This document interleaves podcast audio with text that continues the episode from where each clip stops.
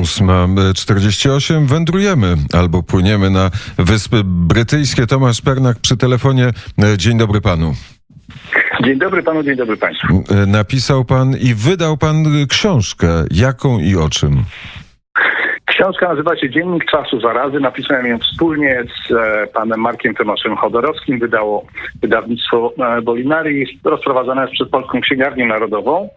E, cieszę się już dosyć dużym zainteresowaniem, e, a podjęliśmy temat e, epidemii, bo no jest to temat, który wszystkich nas zajmuje. Śledziliśmy ją bardzo dokładnie przez pierwsze tygodnie, nie tylko od strony czystych faktów, ale również od strony matematycznej, statystycznej, geopolitycznej, no i próbując odpowiedzieć na pytania o przyszłość. No i jakie są te odpowiedzi?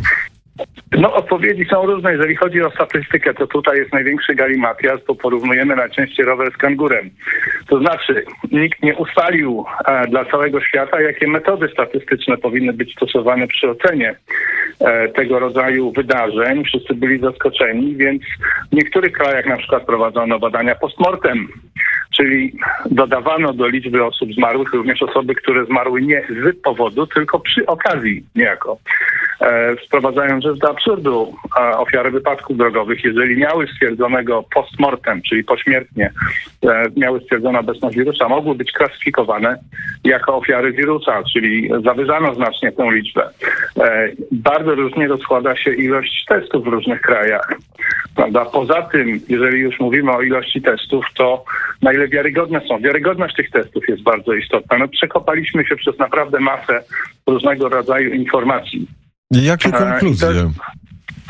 E, konkluzje niewesołe. To znaczy, e, ja ze swojej strony stanąłem na stanowisku, że czy ten wirus jest sztuczny, czy on jest naturalny, czy skakał sobie z nietoperzy na pangoliny, czy, czy w drugą stronę, czy tak naprawdę nie jest to istotne, to do tego będziemy się, ważne będziemy się zastanawiać przez najbliższe stulecie, ale E, faktem jest, że on jest. To znaczy wiemy, że jest taki wirus i że powoduje bardzo groźne konsekwencje dla niektórych osób. Również nie wiemy dlaczego dla tych, a nie innych do końca.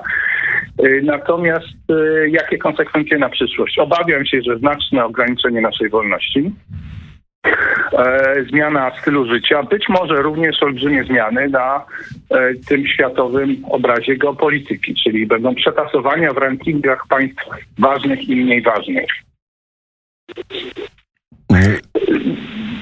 To jest taka, no to jest taka konkluzja, która się, e, która nie wiem, czy nie e, jest bardzo bliska czegoś oczywistego, bo odczuwamy no, oczywiście ograniczenia wolności i boimy się tego, że one będą e, niezależnie od tego, czy jest pandemia, czy, nie, czy, czy jej nie ma. Wiemy, że się geopolityka zmienia, bo obserwujemy wymiany zdań między liderami Chin Ludowych i Stanów Zjednoczonych. Wiemy, że jest Brexit, ale co nowego? Nowego? Co nowego? Dlaczego warto przeczytać książkę? Bo? Warto, warto przeczytać książkę, bo ona po pierwsze zbiera to wszystko e, w jednym miejscu, po drugie jest no dosyć analitycznie z jednej strony, ale syntetycznie ujęta, to znaczy e, pokazuje te możliwe kierunki zmian, pokazuje jakie błędy popełniano przy poprzednich różnego rodzaju pandemiach, bo w Anglii czy w Wielkiej Brytanii mamy coś, co się nazywa Imperial College i tam jest masę mądrych facetów, którzy modelują Czyli wytwarzają takie modele, które pozwalają wszystkim zrozumieć, w jakim kierunku będzie to się rozwijało. Jak dotąd zawsze się mylili i to grube dziesiątki, jeżeli nie setki tysięcy. Przypomnijmy e, no, no kilka sławnych już takich e, pomyłek, czy to była e, epidemia SARS, czy epidemia MARS, która miała zabijać Przypomnijmy, SARS miał mieć 25% uśmiercenia dziesiątków milionów stania się większym zagrożeniem niż AIDS prawda? 65 tysięcy w 2009 roku miała zabić świńska grypa. Żadne z tych przewidywań się nie sprawdziło. Jaka, jakie, jaka więc prawdopodobieństwo, że teraz się sprawdzi. Modele, które stosuje ta jedna z najlepszych instytucji na świecie, okazały się przestarzałe. Mamy profesora Ioannidisa, to jest wielka postać, jeżeli chodzi o modelowanie matematyczne, który powiedział, że śmiertelność z powodu tej choroby będzie nieco większa średnio na całym świecie niż śmiertelność z powodu grypy. która co roku w Wielkiej Brytanii, odnoszę się do danych kraju, w którym mieszkam, może sięgać do 30-40 tysięcy. Także i teraz mamy zatrzymanie całego świata i to jest już to jest właściwie dla mnie kluczowe pytanie, o tym też piszemy w książce.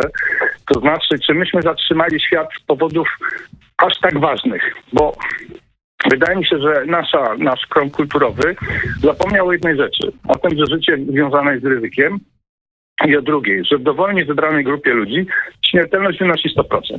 No to jeżeli weźmiemy grupę ludzi, którzy nas w tej chwili otaczają, to śmiertelność dla nich wynosi 100%, prawda? No bo każdy kiedyś umrze. E, I e, oczywiście, że kalkulujemy to ryzyko, ale proszę zauważyć, że w czasie ostatniej wojny ludzie również wychodzili na ulicę i również robili zakupy i również starali się normalnie funkcjonować.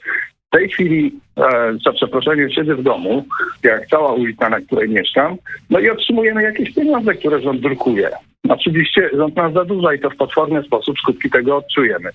Kolejna rzecz, która mnie niepokoi bardziej niż Polaków mieszkających w Polsce, to jest e, rozpoczęta wczoraj próba wprowadzenia tego systemu koreańskiego, czyli zmuszenia mnie, żebym zainstalował sobie coś na własnym telefonie komórkowym e, i w razie, jeżeli, i to nie jest jasne, w jaki sposób władze podejmą przeświadczenie, że ja mogę być zarażony, to wszyscy ludzie w mnie, tak jak idę na ulicy czy gdzieś chodzę, dostają informacje na swoje telefony, prawda?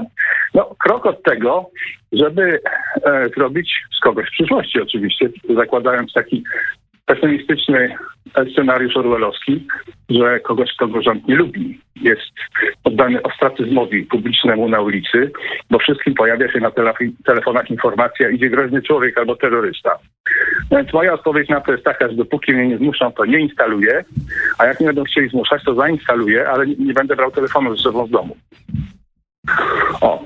A ja właśnie podniosłem telefon, dzięki któremu rozmawiamy. Jest godzina 8.56. To w takim razie jeszcze możemy zadać jedno, jedno pytanie. Czy w tej książce jest próba odpowiedzi na pytanie, kto zyskuje na tej całej pandemii?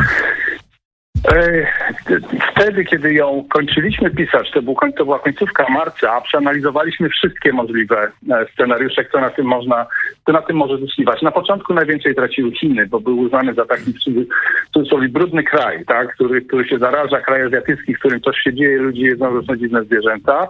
Natomiast w tej chwili Chiny bardzo skutecznie wykorzystują e, taki tułaż kraju skutecznego, który już w tej chwili podbił sobie Bałkany, dostarczając tam jako pierwszy e, tej środki ochrony osobistej. W tej chwili najwięcej tracą Stany Zjednoczone, Wielka Brytania jako kraje, które są w największym stopniu zarażone, bo to się kojarzy po prostu podświadomie w ludzkiej psychice. Wielka Brytania potwornie traci również jej rząd. Jak pan pamięta, e, dosyć mocno popierałem Borysa Johnsona jako osobę, która skutecznie prowadziła Brexit.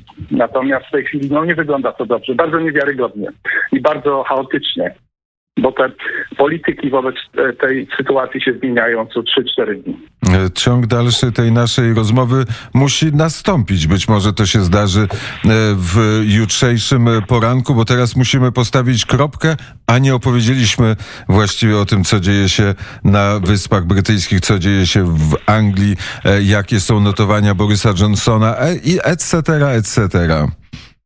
No tak, jest temat rzeka. Bardzo dziękuję za wysłuchanie. Ja bardzo serdecznie e, dziękuję. Wiemy, jaką książkę możemy e, przeczytać i jaką książkę napisał Tomasz Pernak. E, a patrzymy na, no tak, jest godzina 8.58, za chwilę wiadomości z budynku pasty, a potem, a potem zabierzemy Państwa na wyprawę ukraińską Pawła Bobołowicza.